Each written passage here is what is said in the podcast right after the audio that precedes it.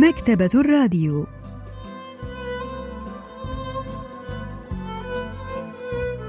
أهلا وسهلا بكم في حلقة جديدة من البرنامج الأسبوعي مكتبة الراديو الذي نستعرض من خلاله كتابا جديدا كل أسبوع. واليوم سوف نستعرض قصة الحقل للكاتب إي هيو سوك لحظات ونوافيكم بالتفاصيل.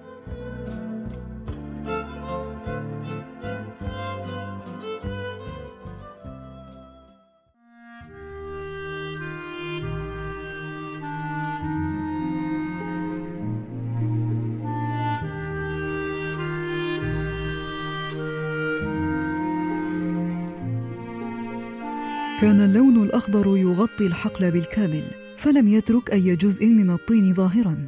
بحر من اللون الأخضر. كان اللون الأخضر أروع من لون الطين وأعقد من لون الثلوج. فالربيع يبدو كامرأة وقد تزينت. أزهار الدرابة ولسان الحمل والهندباء. لو أكلنا هذه النباتات لاصطبغنا باللون الأخضر. سنتلون باللون الأخضر وسيكون هذا هو اللائق. فمن الخطأ ألا نتلون بالأخضر. يجب أن نتلون بالأخضر هناك عصفور يغرد. هل هو عندليب؟ ها هو الأفق يلمع. الحقل هو عالمي. نشرت قصة الحقل للكاتب إيهيو سوك عام 1936 وتروي القصة ما حدث لبطلها هكبو الذي طرد من المدرسة بعد مشاركته في المظاهرات واضطر إلى العودة إلى مسقط رأسه في إحدى القرى الريفية. حيث قضى جل وقته في الحقل. البروفيسور بانغ مين هو أستاذ الأدب الكوري بجامعة سيول الوطنية يحدثنا عن ذلك. 우리는 보통 공부하러 도예지로 나가서 좋은 학교에 다니는 생각을 하잖아요. غالبا ما نحلم بالالتحاق بمؤسسة تعليمية جيدة في المدينة ولكن في هذه القصة نرى أن مدرسة حقبو الواقية في المدينة تمثل العالم الماضي الذي تحكمه قواعد شديدة السلامة بينما يمثل الحقل الحرية والحياة الطلقة بين أحدان الطبيعة ففي قصص إيهوسق نجد أن المعالم الطبيعية كالجبال والحقول تمثل العالم الذي يستطيع فيه الناس أن يعيشوا بحرية وحيث يسود جو من تقبل الطبيعية البشرية والترهيب بها. وعلى الجانب الآخر نجد أن المدارس في المدن أو زراعة في الحقول المستأجرة في الريف تمثل عالما قاسيا وغير منطقي. بعدما عاد هاكبو إلى قريته شعر أن الوقت الذي قضاه في الحقل كان يساعده على التعافي.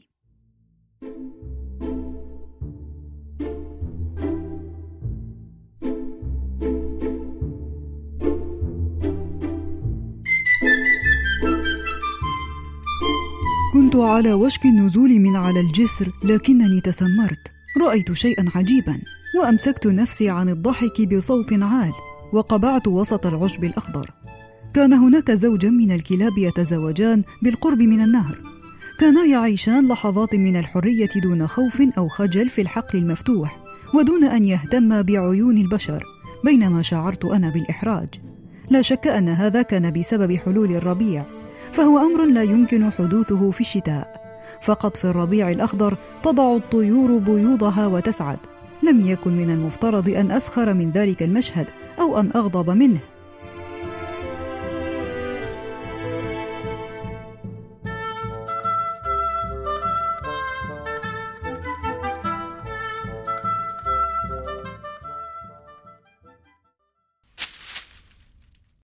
وبينما أنا واقف هناك رأيت صخرة تطير من مكان ما.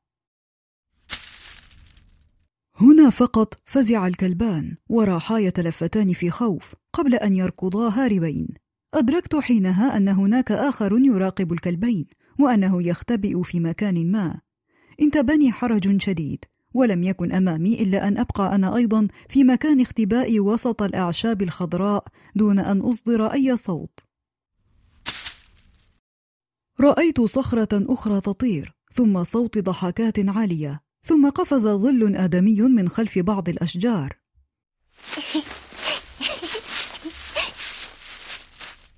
أجفلت من ظهور الشخص غير المتوقع. كانت أوكبون وكانت دهشتها لرؤيتي أكبر بكثير من دهشتي لرؤيتها. تعمدت أن أرفع من صوتي وأنا أسير باتجاهها وأنا أضحك في تسامح. هذه الكائنات حمقاء. لم أكن أريد أن أسخر من الكلبين. ولكنني أردت أن أخفف من إحراج أوكبون. كانت أوكبون إحدى صديقات طفولة الراوي وكانت قد فسخت خطبتها مؤخرا من صديق طفولة آخر يدعى دكتشو لأسباب تتعلق بالفقر. قال لها الراوي دكتشو لا يستحقك أنت أعلى مقاما من ذلك.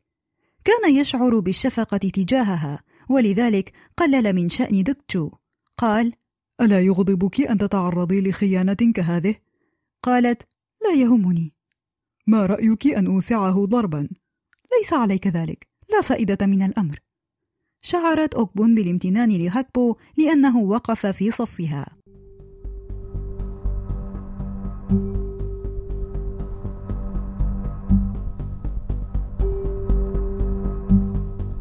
تدلت ثمار الفراولة التي لم يكن هذا موسمها من خلف سور البستان. لم أكن أستطع أن أكتم شهيتي الجامحة كلما مررت بالبستان ولأنني تسلقت السور وعيناي مثبتتان على الفاكهة المغرية لم يكن علي أن أؤنب ضميري وأشعر بالذنب والأسى. فيبدو أن التسلق على السور عادة أصيلة من عادات الجائلين في الحقول. لكنني عندما رأيت جسما آدميا غير متوقع وسط ظل شجرة التفاح قفزت من فوق السور بسرعة فتمزقت ملابسي أثناء فراري.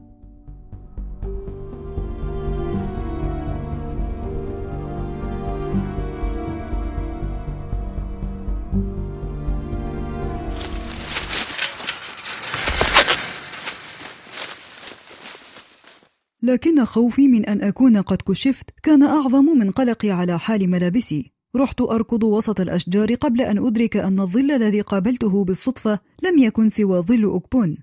شعرت بشيء من الراحة وتعجبت لأنني قابلتها ثانية بعدما قابلتها للمرة الأولى عند الجسر. لا شك أن المقابلة الأولى قد فتحت أبواب قلبينا على مصارعها.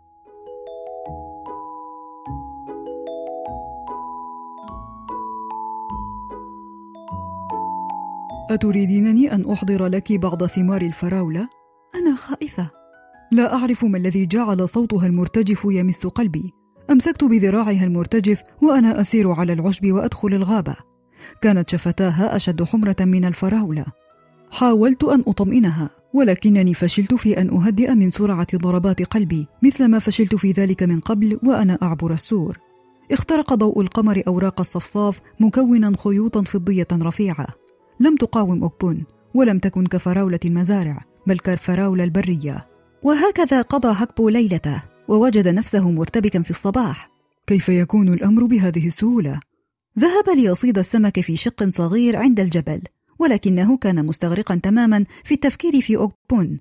حتى انزلقت قدمه على صخرة وجرح وجهه وكتفه. الناقدة الأدبية جون سو يونغ تحدثنا عن ذلك. 작중 시공간적인 배경이 봄의 들인데요.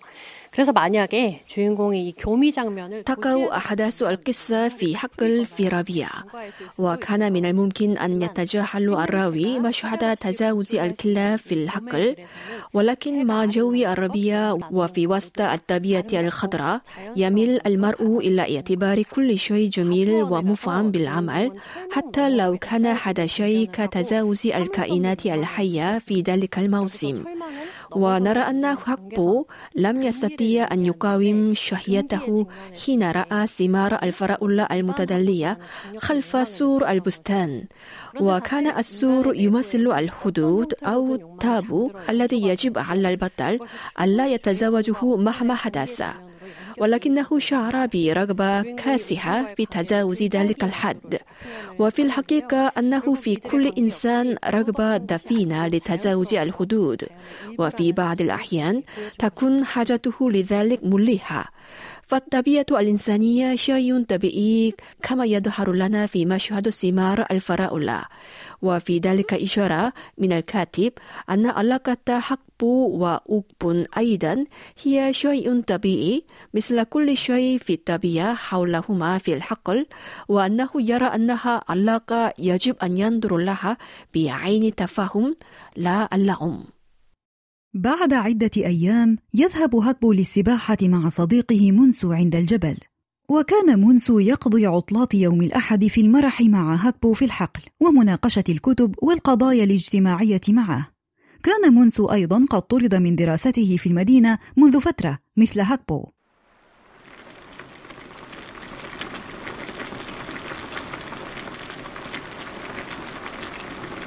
أشعل الاثنان نارا لطهو الأرز والسمك الذي اصطاداه وبينما كان الطعام يعد خلع هكبو ملابسه وقفز في الماء ليخفف من حرارة جسده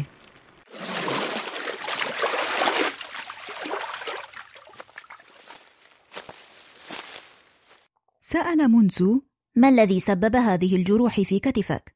روى له هكبو في حرج ما حدث بينه وبين أوبون فقال منسو طالما صارحتني فسوف أخبرك بسري أيضا. تربطني أنا أيضا علاقة بأوبون. يبدو أن فسخ خطبتها مع دكتشو جعلها تشعر بالوحدة. لم يشعر هكبو بالغيرة أو الغضب بعدما سمع ذلك بل بشيء من الراحة.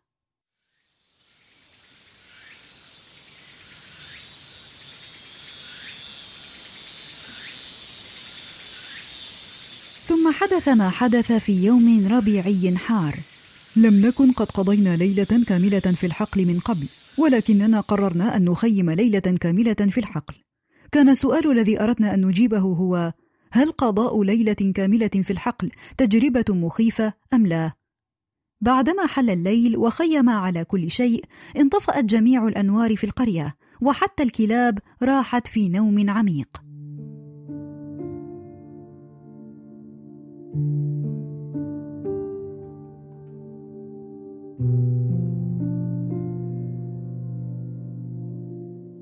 كان الظلام عاما وعميقا ولا نهائيا. كان الصمت رهيبا فلم يكن من الممكن سماع أي شيء حتى دوران الأرض ذاتها. من أين تأتي مشاعر الخوف والفزع؟ إنها لا تأتي من قلب الظلام أو الصمت. كانت الليلة التي خيما فيها في الحقل ليلة لطيفة الجو ولم يكن فيها أثر للخوف. ولذلك غرق الصديقان في نوم عميق مريح في الحقل. ولكن الخوف نبت من مكان آخر تماما.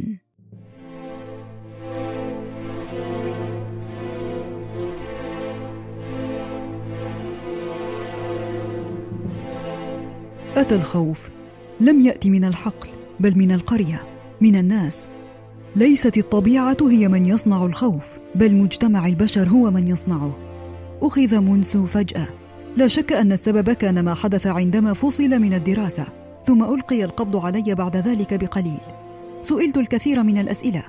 أسئلة تتعلق بي وبمنسو. ظللت محبوسا لثلاث ليال قبل أن يطلق سراحي ولكن لم يبلغني أي من أخبار منسو بعد. أظن أن الأمر سيستغرق بعض الوقت. لقد أعددنا الكثير من الخطط لقضاء صيف ممتع سويا ولكن لا يوجد ما يمكنني أن أفعله وحدي.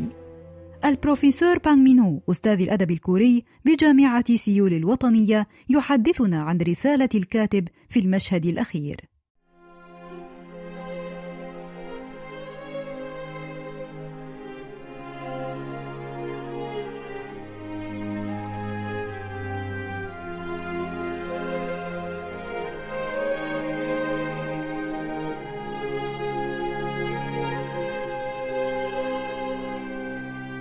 الوحدة التي يخلفها فقدان صديق هي وحدة لا توصف. قضيت أياما مملة طويلة. فكرت في أن أملأ فراغ وحدتي بصحبة أوبون، لكنني وجدت هذا معقدا وغير مقبول على أكثر من صعيد. الشيء الوحيد الذي كان بإمكاني أن أتمناه هو إطلاق سراحه مبكرا. بمجرد أن يطلق سراحه سأشوي له الكثير من الحبوب وأطعمه الكثير من أسماك الماء العذب وأصارعه تتفتح البراعم والأزهار عبر الحقل وأزهرت السراخس في المستنقعات أيضا بينما أشرقت الزهور البيضاء في خجل على ضفة الماء. إن الموسم في أوجه.